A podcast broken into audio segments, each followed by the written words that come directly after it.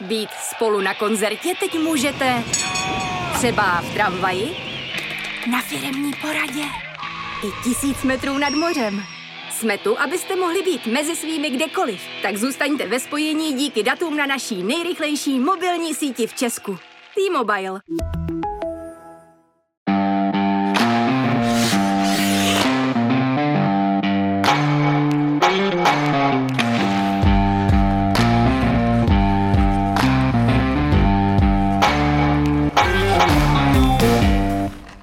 Dobrý den, vítáme vás poprvé v roce 2022 u hokejového podcastu webu Sport.cz, který nese název Za mantinelem a tentokrát vás bude provázet Martin Gézer. A Jan Škvor. Téma je jasné, ale obsah tématu je trochu odlišný, než bychom ještě před pár dny typovali. To téma zní mistrovství světa hokejistů do 20 let, které zůstalo nedohráno. A já se asi musím zeptat hned na začátku, Honzo, máš pocit, nebo napadlo by tě, že zůstane mistrovství nedohráno a že se všechny věci se běhnou kolem něj tak, jak se se běhly? Musím říct, že by mě napad asi jakýkoliv scénář. Napad by mě scénář, že nějakým zázrakem přelezem čtvrtfinále, když se nám zblázní brankář, stejně jako by mě napadlo, že do toho čtvrtfinále nepostoupíme a budeme hrát. Vlastně ono se nepadalo, když se rozhodlo v průběhu turné, že letos to kvůli tomu covidu bude nesestupový. Ale varianta toho, že se ten šampionát nedohraje a navíc, že bude ukončený takhle rychle už po dvou, třech zápasech v základní skupině, i pod dojmem toho, že eh, ten minulý rok ten šampionát proběhl právě v Edmontonu a proběhl bez potíží, bez potíží v té bublině, organizátorům se to povedlo, tak tady to by mě opravdu nenapadlo. Je zajímavé to srovnání s Loňskem, kdy vlastně ty potíže měl jenom německý tým, pokud já si dobře vzpomínám, a uh, ty potíže ho postihly vlastně v tom přípravném období, to znamená, že on začal hrát s nějakými hráči, které měl k dispozici. Vím, že tehdy dávají Němci obtížně dohromady vůbec tři pětky, ale postupně ten tým doplnili. Tam tehdy Němci měli, jestli si pamatuju, hráli nějaký zápas jenom se 14 hráči ano, do pola. Ano, ano. Jo, takže ty tři pětky tam nějak uh, sestavili. Ale tentokrát se to vlastně seběhlo úplně obráceně. Už prvním takovým varným signálem asi mohl nebo měl být to, že se na poslední chvíli odpadl zápas Česko-Švýcarsko, ten přípravný zápas, kde nakonec e, to byla problém Švýcarů, i když já nevím, jestli se tady dá mluvit o vinících a nevinících, e, kdo za to mohl, teď myslím z hlediska těch mužstev, ono je to vlastně svým způsobem jedno, protože to doléhalo na všechny účastníky v podstatě toho turnaje. No, o vinících bych rozhodně nemluvil u týmu, ať už hráčů nebo realizačního týmu. Já si myslím, že jestli se má hledat viník, tak jsou to právě ty organizátoři toho turnaje. Protože samozřejmě nebyli jsme na tom místě, máme informace zprostředkované, ale nejsou to jenom informace od Českého národního týmu, ale jsou to informace zejména od týmu, který hráli svoji skupinu v Edmontonu. V Redíru. V Redíru, v Redíru. A teda, co se tam muselo dít na těch hotelích, že ty organizátoři nebyli schopni uh, zachovat bublinu, aspoň tak, jak byla třeba před rokem, to je pro mě absolutně nepochopitelný. No, tak já budu hrát chvilku ďáblova advokáta. Já si myslím totiž, že všichni pojali přesvědčení, že když jsou všichni účastníci eh, turnaje na očkování, tak ta bublina nemusí být tak děsně přísná jako loni. To znamená, ono se držela ta bublina, že hráči jako nikam nejdou, ale ta neprostupnost toho okolí zřejmě nebyla taková, což potvrdil i trenér Mlejnek, kterého jsem se na to osobně ptal, jak by srovnal ty bubliny a on říkal, no tak uh, loni byl hotel nedostupný, a teď mluvil o Edmontonském hotelu, loni byl hotel nedostupný, letos se tam někdo dostal, my jsme se chovali úplně stejně jako loni, my jsme všechny ty režimové věci uh, to, ale uvědomte si taky, že na ty stadiony chodili diváci. Takže srovnávat loňskou a letošní bublinu je opravdu asi odlišný a uh, ještě si myslím, že došlo k jedné věci a to podcenění toho Omikronu nebo té varianty Omikron, která je zjevně nakažlivější, byť třeba asi není tak vážná, protože nikdo z těch e, hráčů, kteří vyšli pozitivně, nevykazoval Eh, velké příznaky, pokud už vykazoval tak jako velmi mírné, anebo uh, téměř vůbec žádné, jako v případě toho našeho hráče. Byly, byly to třeba teploty, já se tady nechci moc pouštět do nějakých epidemiologických uh, názorů, ale ono je vlastně jedno při tom přenosu, jestli jste očkovaný nebo nenaočkovaný. Chytit to můžete tak jako tak. Mně spíš přijde zarážející, že proč se neudělal jeden hotel, jako tomu bylo loni, na který by prostě, řeknu v uvozovkách, normální běžní lidi nemohli. Jo, tady byly normálně situace, že do hotelové lobby nebo do hotelové restaurace mohl kdokoliv. A samozřejmě při jídle, při konzumaci nápojů si tu roušku sundáte, chtě nechtě se tam někdy s nějakým hokejistou potkáte, no a to už je malér. Že jo. Hmm. Druhá věc je, a zase chci zdůraznit, že nejsem epidemiolog, ale trochu nerozumím tomu, proč uh, loni bylo umožněno těm Němcům normálně hrát, byť měli v karanténě třeba pět lidí a letos přišlo stopka jeden nakažený, končíte, kontumujeme, jo, neroz, nerozumím moc tomu tady to. Tak zase chvilku zkusím toho ďáblo advokáta vzít. E, já myslím, že totiž loni ta situace byla jiná v tom směru, že šlo o to, ten turnaj za každou cenu odehrát a hledali se varianty, jak ho odehrát i v těch uvozovkách kritických epidemiologických podmínkách. Letos mám pocit, že to bylo nastavené tak, že e, my to odehrajeme, aby se nikdo nenakazil a jakmile se někdo nakazí, tak nastal problém. Je fakt, že ten problém nastal ve chvíli, kdy během horizontu nějakých 30 hodin se museli skontumovat tři zápasy, protože nemohli hrát nejdřív američané, potom my jako Česko a potom uh, Rusko. Ale po každý kvůli jednotkám případů, že to nebylo, že by lehla třeba čtvrtina týmu. Hmm. Vždycky šlo Jen, o jednou, maximálně dva hráče. Jenže ty uh, pravidla prevencie Alberta říkají, že pokud seš v blízkém kontaktu s nakaženým, a to v tom hokejovém mužstvu seš, to se nedá tomu vyvarovat, tak musíš uh, minimálně 24 hodin projít karanténou a opětovným otestováním. A tam už pak vlastně ty pořadatelé neměli žádný prostor manévrovací, kam ty zápasy posunout. A to už vůbec nemluvím o tom, že si myslím, že se těmi třemi kontumacemi ten turnaj stával prakticky neregulérním, protože pak už nebylo to o tom, kdo je lepší na ledě, ale kdo má víc štěstí než rozumu, když to řeknu takhle, a je dřív nebo později nakažený. Eh, to, že asi šlo o jediné rozumné rozhodnutí eh, celý ten šampionát zastavit, eh, byl doklad i ten další den, kdy hlásili ty nákazy i ty další týmy zase v jednotkách, ale tímhle principem to asi fakt nešlo v žádném případě sehrát. No. Pak je teda otázka, jestli se to vůbec mělo uskutečňovat, jestli takovýhle rozhodnutí nemělo padnout už před začátkem turnaje i pod vlivem toho třeba našeho odloženého zápasu se Švýcarskem.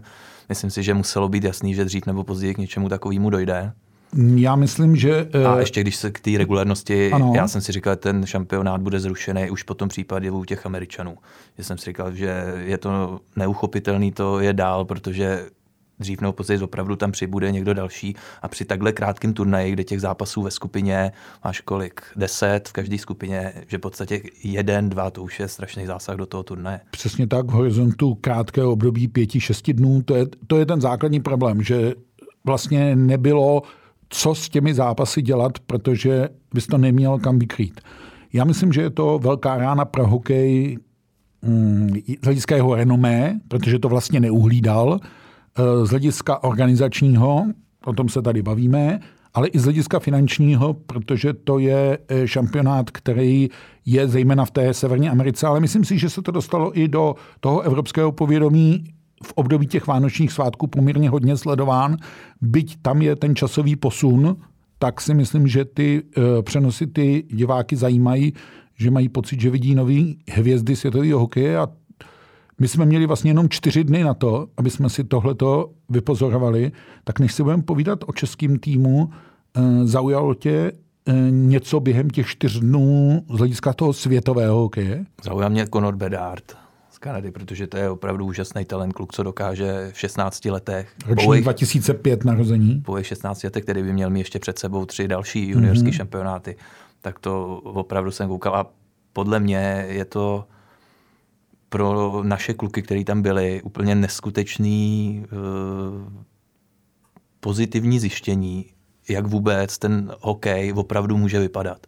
Jo, mluvím třeba o Karlovarském Kulichovi, který mu je 17 let, je tady taky braný jako z jeden z obrovských talentů, ale když pak přijede na takovýhle turnaj a vidí, jak ten hokej hraje opravdu jinde, hlavně zámoří, tak pro něj to musí být procitnutí, že opravdu, aby se dostal, asi se nedostane na takovou úroveň jako ty největší hvězdy, takže na sobě opravdu ještě bude muset hodně makat.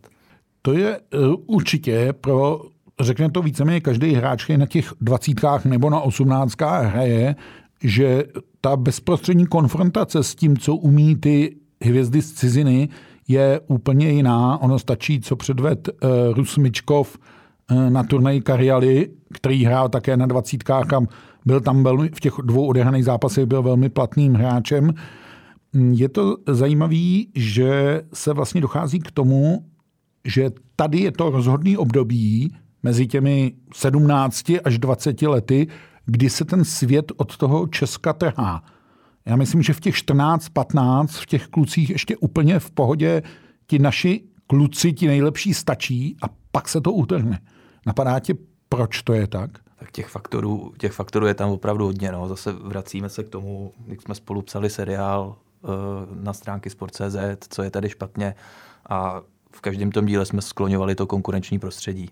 V podstatě tady ty soutěže jsou tak nekonkurenční, že když ty kluci tady zůstávají a nejdou třeba do ciziny a ne každý si může dovolit jít do té ciziny, protože je to sociálně náročné, je to finančně náročné, tak ten vývoj se prostě v určitý době zastaví a když vidí, že ti stačí na to, aby si tady byl hvězda, to, co ti stačí a nemusíš se dál rozvíjet, no tak to není vina jenom těch kluků, podle mě. No, je to velmi složitá věc, protože ten hráč je pak postavený do té konfrontace na tom turnaji, zjišťuje, že v ní obstojí nebo neobstojí.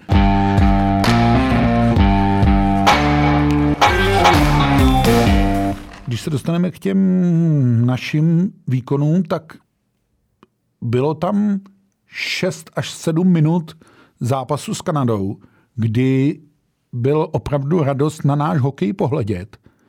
Jenže, bohužel, v té době jsme dali Kanadě tři góly. Bylo to možná do jisté míry způsobeno určitým podceněním Kanaďanů, kteří dali rychle první gól a říkali si, no tak ty Čechy smázneme. To ještě pak... měli spoustu dalších šancí, který chytil Málek. Přes, přesně tak, ale prostě eh, byl tam ten 6-7 minutový úsek, kde bylo opravdu radost se dívat. Asi to vyvrcholilo tou svozilovou odvážnou fintou prostrčení puku mezi eh, bruslemi, ale pak najednou to zase spadlo do toho nekonkurenčně schopného českého hokeje. Což, a, to, a zůstalo to i v tom zápase s Německem, protože musíme si úplně na rovinu říct, že ten německý výběr, na rozdíl od toho našeho, postrádal řadu hvězd. Postrádal, postrádal Zajdra, postrádal Štycleho, postrádal Reichla. A postrádal Peterku. A postrádal Peterku. Tak. Jo, zatímco my jsme tam měli ještě jenom tady možná je třeba říct, že eh, postrádal Lukase Reichla. Bratrance Kristiana. Bratrance Kristiana, který teď se začíná prosazovat v dresu Winnipegu. A opravdu ty Němci měli nejslabší mančav za poslední roky, svědčí o tom i příprava, kdy prohráli ze Slovenskem, myslím 0-4 mm-hmm. to mhm. bylo. Zase kredit Slovákům, ty naopak, ten jejich mančav vypadal velmi dobře a bylo mm-hmm. by mhm. zajímavý srovnání, kdyby jsme třeba nějakou souhrou náhod na sebe vyšli ve čtvrtfinále. Jo? Měl bych velký obavy o náš tým, jak to vypadalo a ty obavy ze síly. Já ještě k té Kanadě, hm, ta úvodní desetiminutka byla opravdu skvělá, ale tak nějak úplně ty moje pocity vystichy Milan Antoš, ze kterým jsem mluvil, který říkal, že vlastně i za toho, jedna, za toho stavu 3-1 jsme tak nějak cítili, nebo aspoň on, že to stejně nedopadne. Hmm. Že to není udržitelný prostě hmm. takhle, jo, hmm. a že vlastně ještě ten 3-6 je vlastně milosrdný, a řekne se, no tak se prohrálo s Kanadou 3-6, no to hmm. jako není zase tak hrozný. Ale... Byl to takový záchvěv, to je asi to podstatné, že jsme si všichni byli u těch televizí vědomi, že se to nedá vydržet. Že vlastně ta kvalita toho mužstva není taková, aby to vydrželo.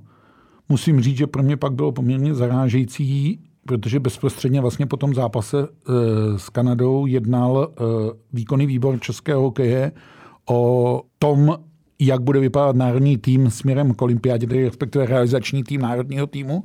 A zazněla tam jen tak mimochodem taková věta, členové výkonného výboru byli, vyjádřili velkou spokojenost s projevem národního týmu dvacítek na záp- západce s Kanadou.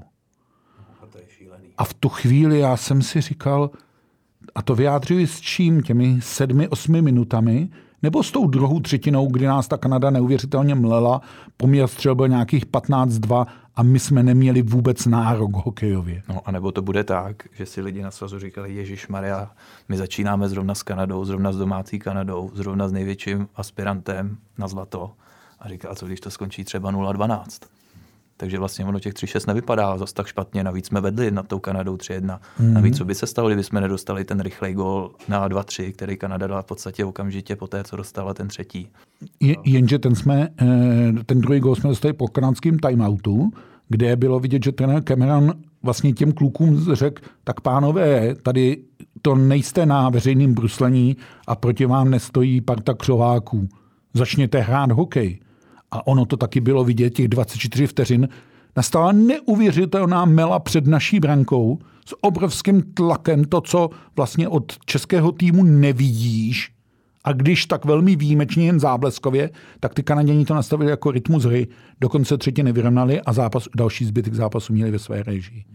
A mě ta věta, že e, pozitivně hodnotila nebo vyjádřila spokojenost s vystoupením, tak tam mě vyděsila, No a bohužel zápas s Německem mě vyděsil po druhý, protože ten projev byl velmi jalový. To bylo, to bylo něco šíleného s tím Německem a uh, byť si myslím, že Karel Mlejnek je dobrý trenér, rozhodně není špatný, tak uh, tady ten zápas jde podle mě i za ním, protože já jsem za celý zápas neviděl, že bychom zkusili nějakou změnu. Němci, hráli, Němci se soustředili na bránění, to jsme viděli už dopředu, že to nemůžou uhrát jinak. Ale my celou dobu jsme hráli furt to samý. Celou dobu, že bychom to nějak roztáhli, nabili to obránci na modrý, prostě něco zkusit. Furt jsme se tam snažili nějak vykombinovat, ale měli jsme vůbec nějaký velký šance? No ne, ne, neměli. Ten gol Mišáka si dali vlastní. Gol si dali vlastní, ale i ten takový za hokej počítají. Ale m, problém je, že, jak říkáš, jde za trenérem. Já jsem to dost dobře nepochopil, proč vlastně změnil podobu složení útoků pak se k němu vrátil. To bylo vlastně, do, toho, do té původního tvaru jako s Kanadou. To bylo přesun e, Myšáka do pozice centra, odsunutí koláčka a tak dále a tak dále. Ale ono se ukázalo, že fakt chyběla těm hráčům kvalita. Že prostě ti hráči na to nemají. Jo? A teď bych to nevyčítal až tolik trenérovi, protože myslím si, že ten udělal nakonec v konečné fázi asi co mohl s tím výběrem. No. Uh, aha, tak vidím, že uh, jsme já, já, do něčeho, tak po, povídej. Nebyl, nebyla chyba, když vím, že před turnajem, že mám dvouzápasovou stopku prokrutila. Samozřejmě. Nemůžeš ovlivnit a nevíš, kdy se ti někdo zraní, ale měl bys být na to připravený, že se něco takového může stát. Přijde první zápas s Kanadou, kde se zraní Říček, kluk, od kterého asi všichni si slibovali, že to defenzivně potáhne, největší hvězda v obraně, do konce turnaje s kolenem přijde Eh, následně disciplinární šetření, který dá jednozápasovou stovku Hrádkovi. A zůstává nám jenom pět A zůstává obránců. ti pět obránců, tím, že si tam držíš Krutila, který ti v podstatě polovinu eh, základní skupiny nemůže hrát. Dneska víme, že vlastně celý šampionát bude hrát. Celý šampionát a jdeš do zápasu s pěti obránci. Hmm. Ale jako ono si řekne, no tak to odehraj s pěti obránci, ale ona to není sranda hrát to celý zápas. Představ si, skončíš, jdeš se vydechat, 40 vteřin vydechneš a zej zase zpátky na ledě, pak máš dobře třeba dvě pauzy, ale to opravdu není sranda. Jo? No, není, i když když otázka je, jestli jsme měli problém v tom zápase v obraně, já nevím, třeba, třeba by to pak vypadalo jinak jako směrem do ofenzívy, jo? že by ta ofenzíva měla nějaký jiný nápad, ty kluci by byli čerstvější, líby brusily.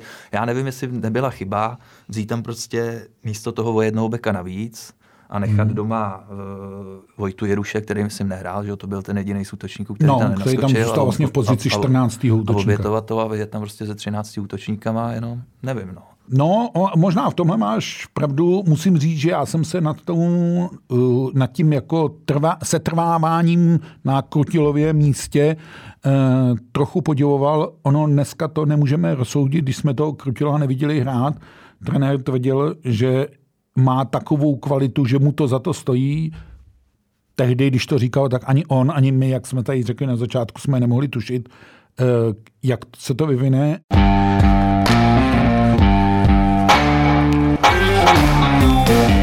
Paradoxně ono vlastně ty dvacítky dopadly pro český hokej dobře. A teď to nechci úplně ironizovat, ale uh, nedochází na ten černý scénář Ježíš, abychom byli ve čtvrtfinále, protože o tom by ten zápas s Rakouskem, ten poslední, bez zesporu byl. Uh, odpadlo i to, že se ta kvalita českého hokeje nikam neposouvá což je ale veliká škoda, protože o, teď se o tom vlastně nebude mluvit, protože teď nějak ten šampionát 20 dopad. Já jsem teda dost velký skeptik eh, k nápadu, který zazněl z vedení IHF o tom udělat pro tenhle ročník náhradní šampionát v létě. Já si myslím, že je to úplná blbost. Teda. když, když to řeknu naplno, protože záby to teda nebylo v Kanadě, jak jsou ty původní, eh, původní nějaký nástřel, jak by to mohlo bylo by to ve Finsku. A jsem přesvědčený, a že nejenom u Kanady a Ameriky, že se tam nikdo nepo, nepožene po konci sezóny někdy v červnu, červenci. Jo, ta kvalitativně to nebude mít takovou hodnotu, jako by to mělo teďka, kdyby se to dohrálo. No. Bude, no kluci se budou chtít připravit, on, už to je přechod mezi juniorským a dospělým hokejem, bude tam spousta hráčů, kteří prostě radši zůstanou v klubech a udělají úplně to samé, co udělal Nick Malík. Že vlastně budou prostě, bojovat o to jasně. své místo v tom klubovém seniorském hokeji. Jasně, já to chápu, na jednu stranu je to fakt smůla tady pro ten ročník, který přišel o 18, o 20, tak nějakým to aspoň vynahradit, akorát si nemyslím, že je to úplně šťastný nápad, byť přiznávám, že neznám lepší. Hmm. No, jak jim to vynahradit? On žádný jiný způsob, jak jim to vynahradit nejde, protože oni na jaře 2020, když se covid rozjížděl, tak se vlastně osmnáctky týkající se tohoto ročníku zrušili úplně a jsou hráči, ne konkrétně zmiňovaný třeba Honza Mišák, ten hrál na dvou dvacítkách, ale jsou hráči toho ročníku 2.02, kteří vlastně si na žádným tom šampionátu nezahráli. A e, nepodstoupili tu konfrontaci a vlastně je to pro ně velmi obtížný i pro to e, prosazení se a tak dále, protože upřímně řečeno e, výkony na dvacítkách jsou většinou buď to otevřením, anebo taky zavře, přivřením nebo přibouchnutím dveří k něčemu. Takže v tuhle chvíli se to dá hodnotit, že Malík udělal ten nejlepší možný krok, který mohl, ale nastal něco prostě nepředvídatelného a něco, co si myslím, že se hokej stát nemělo, protože sport už se naučil nějakým způsobem s tím covidem žít. Uh, ukázala to Tokijská olympiáda, ukázala to vlastně i hokejový mistrovství světa, nejenom loňských dvacítek, ale i to v Rize, že to nějakým způsobem jde. A tady si myslím, že se k tomu přistoupilo trochu lehkovážně a pak byli těmi okolnostmi všichni zaskočeni. Beru to jako velký varování pro všechny nadcházející sportovní akce, včetně olympiády, nebo máme obavu o olympiádu už teď takhle rovnou? Já myslím, že ne. Já teda o olympiádu se nebojím, to si myslím, že proběhne v podobném přísnějším režimu, jako byla letní v Tokiu, tak nemyslím si, že by se neuskutečnila ta zimní. A myslím si, že, že se to nějak tam podaří podaří organizátorům udržet, protože si myslím, že ta pravidla opravdu budou uh, přísná.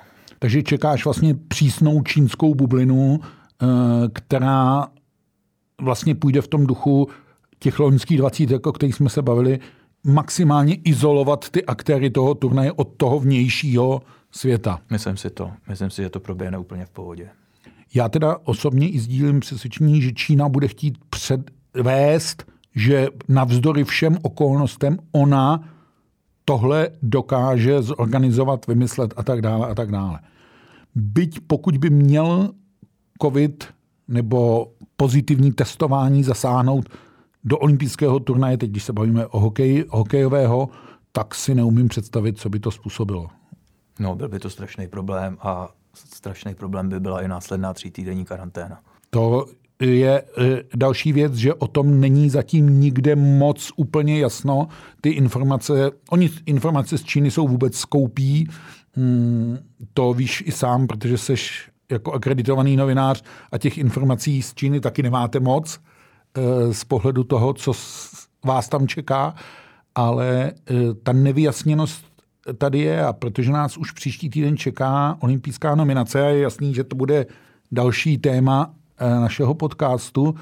Eh, myslíš si, že se objeví ty případy, že hráč nebude chtít jet na olympiádu proto, nebo možná ne, nebude chtít, ale hráč nepojede na olympiádu proto, že ho klub nebude chtít pustit, že tam bude ten tlak velký aby jim nechyběl?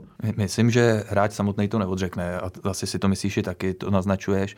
Já chci věřit tomu, asi možná jsem snílek, že to nakonec eh, tady to nenastane, že by ty kluby nutili hráče. Myslím si, že všichni ty hráči, kteří pojedou nebo by měli je do toho Pekingu, že už jsou natolik zkušení, že si sednou třeba s těma manažerama, s těma majitelama těch klubů a vyjasní si to, byť jsme viděli už třeba vyjádření Petra Dětka, že, to, že je tam nepustí, mohlo to být v emocích a taky třeba oni až opadnou po nějaký rozumný diskuzi že se třeba rovnou, já furt chci věřit tomu, že tam opravdu pojedou ty nejlepší z Evropy, případně ještě z AAL, která se tváří, že by tam, byť má taky spoustu zápasů, který má odložený, že tam ty svoje kluky pustí, který hrajou výhradně AHL. Tak chtěl bych tomu věřit, že to tak bude nakonec. Akorát, že jsme se bavili s Petrem Nedvědem a Petr Nedvěd jasně říká, že pokud je ten hráč pod smlouvou NHL, to znamená, pokud hraje na farmě v rámci takzvaného two-way kontraktu, takže se na něj vztahuje to rozhodnutí neuvolnit své členy. Jako. Je to možný, ale myslím si, že tady se ta situace mění tak strašně rychle. Zrovna to byly Petr Nedy, který ještě v listopadu si absolutně nepřipouštěl, už bral za hotový, že Olympia jede, je s hráčem a NHL a sám říkal, nedovedu si už teď, když už to došlo takhle daleko představit, ten důvod, který by o tu olympiádu připravil. No, tak hmm, ten důvod, tak ten je, tady, důvod no. je tady. No. Je fakt, že NHL má v tuhle chvíli odloženo přes 90 zápasů Nevím, jestli dělá rozumně s tou variantou odkládat zápasy v Kanadě, kde jsou platí divácká omezení, protože nevím, jestli je v tom prostoru si vlastně ještě ten počet navyšovat tímhletím způsobem, ale to je víceméně starost NHL, která se dostala asi do situace, že pokud chtěla zachránit ten svůj biznis, tak soutěž přerušit nemohla a musí tu pauzu využít eh, k tomu, aby se hrálo a ty hráči NHL nebyli. Na druhou stranu nezdá se mi úplně jako spravedlivé to vnímání světa. NHL tam hráče nepustí a evropské kluby tam hráče pustit musí. Bohužel to ukazuje, že ten hokej pořád žije v takové dvojkolejnosti nebo nerovnosti, že někdo je rovný a někdo rovnější, když to řeknu takhle. A tak je to prostě daný v těch smlouvách nastavený a já si zbytečně nějak o tom polemizuje, jestli je to férový. Prostě já to beru tak, že to takhle je nastavený. Jo, myslíš Cimrmanovo heslo, můžete proti tomu protestovat, můžete s tím nesouhlasit a to no, je tak všechno, všechno, co s tím můžete dělat. No, troch, uh, trochu to tak je.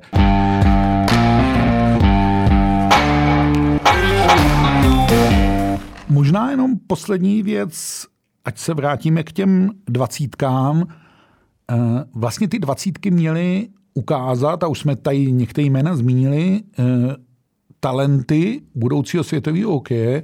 Ono je velmi pravděpodobný, že hráči změní Mičkov, Bedard, ale i Perfety, uh, Power, který už hráli za Kanadu na mistrovství světa v Rize jsou vlastně paradoxně se stali mistry světa dospělých dřív, než se stali mistry, nebo než se mohli, mohli stát. stát mistry světa ve dvacítkách. Zkusme si trošku zavěštit komu z těch českých hráčů by si dával největší hokejovou budoucnost? Jako? A teď je ještě otázka, když vymýšlím takovéhle záludné otázky, co to znamená největší hokejová budoucnost, ale možná ji vezmeme směrem k NHL nebo k prosazení se v té soutěži, kterou budou hrát, protože nikde není řečeno, že e, musí hráč zářit v NHL a tím je potvrzená jeho kvalita. Tak já to beru, no. Já tady od 16 let nebo už dlouho spolíháme na to, že ten Jan Mišák, že to bude klíčový hráč. Já o tom jsou odehraný dva zápasy, nebo se odehrály, ale nejsem úplně o tom přesvědčený, zvlášť když v tom útoku je obrovský těžký se prosadit. Mm-hmm. Jo. Mm-hmm. Takže spíš bych koukal někam do té obrany. Eh, ty sám si zmiňoval toho Stanislava Smozila, jak tam upoutal proti Kanadě tou drzostí, tou kličkou. Já si myslím, proč by to zrovna nemusel být on. Otázka je, samozřejmě všichni tady předpovídají největší budoucnost Davidu Jiříčkovi, ale my taky nevíme, jak eh, to je vážný zranění toho kolena. A ona to opravdu není sranda, jestli ten kluk bude teďka půl roku mimo, to samozřejmě nevím, jak dlouho bude, ale ovlivňuje to strašně moc. Jo? A podle mě v Plzni musí z toho být na prášky, když viděli, co se stalo. A je fakt, že zámořský kluby si zrovna tohle velmi jako hlídají, když hráč měl v 17 a jde poměrně vážný úraz kolena a tak dále a tak dále. To je velmi, protože kolena při hokeji trpí velmi, tak to určitý handicap je. Mě na druhou stranu na tom Svozilovi trošku zamrzelo, on sice předvedl krásnou věc dopředu, ale udělal taky chyby dozadu, že jo. jo? Ten jeden gol proti Kanadě šel za ním. A teď já tady nechci probíhat hráče za hráčem.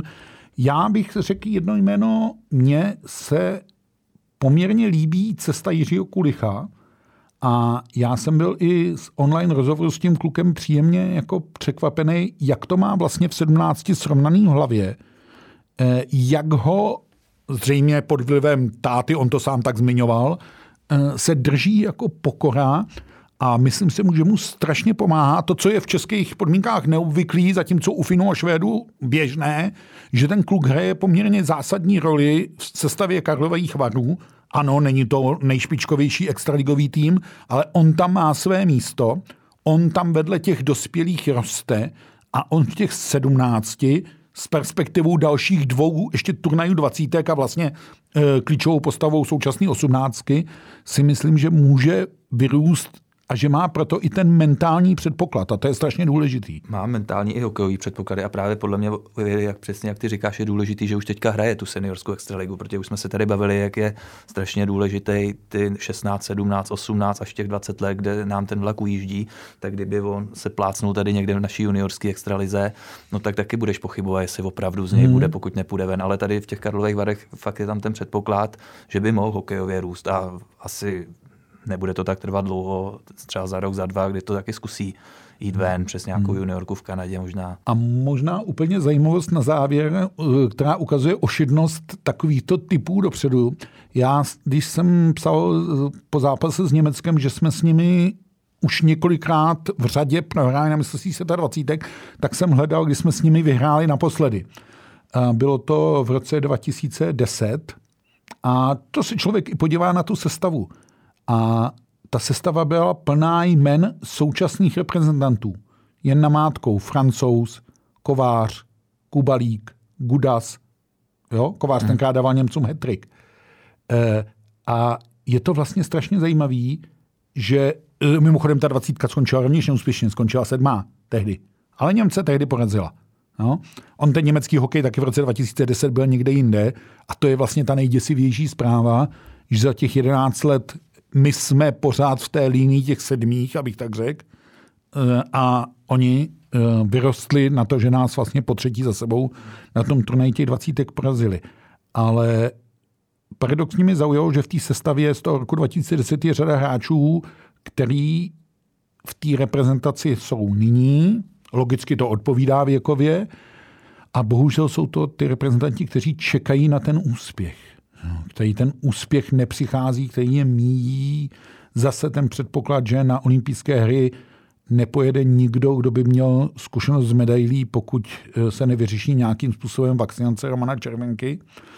Ale to už uvidíme za týden. Eh, tak ta chybějící zkušenost s výhrou a s úspěchem se bude asi na českém hokeji projevovat čím dál tím víc, takže já bych vlastně i těmhle klukům, o kterých dneska mluvíme, přál, aby se z nich stala ta vítězná generace. No, bohužel, zkuste schválně, je to zajímavé, zkuste se třeba podívat na jednotlivý soupisky těch juniorských šampionátů a porovnat to, kolik se těch kluků 20 letých tehdy dostalo do reprezentace, nebo tam je, tam je teď a asi zjistíme, co mě překvapí, že ten počet se snižuje. No. Snižuje se čím dál tím víc to, že by se překlápěla dvacítka za nějakých tři, pět let do Ačka, bohužel není. A zatím... ono bohužel to ani nejde ale snižovat do nekonečna. Někdy se to nejde, prostě jednou se to někde zastaví na, ale na tom se to odrazí na kvalitě, jedinců no. a bohužel už se to odráží na tom národním týmu. To jsme to zase hezky začali ten rok uh, neoptimisticky. Tak zkusme uh, poslední optimistickou vizi. Za týden bude nominace národního týmu na olympiádu a já nejsem úplně přesvědčený, že je to dobrý krok, jak se zachovalo vedení českého hokeje s tím, že se vlastně nic nezmění. A na moji přímou otázku Petr Nedvěd, kde bere tu víru, že to konečně v Pekingu vyjde, tak zaznělo, já vím, že vy to vidíte teď negativně, ale pojďme si věřit. Tak to je asi to mm, optimistický jediný, co můžeme nabídnout pojďme si věřit a pojďme věřit dvojici Nedvěd Pešán, že vybere dobré mužstvo. A až ho vybere, tak my tady budeme zase s podcastem a těšíme se s váma naslyšenou. Loučí se s vámi Jan Škvor a Martin Gézer.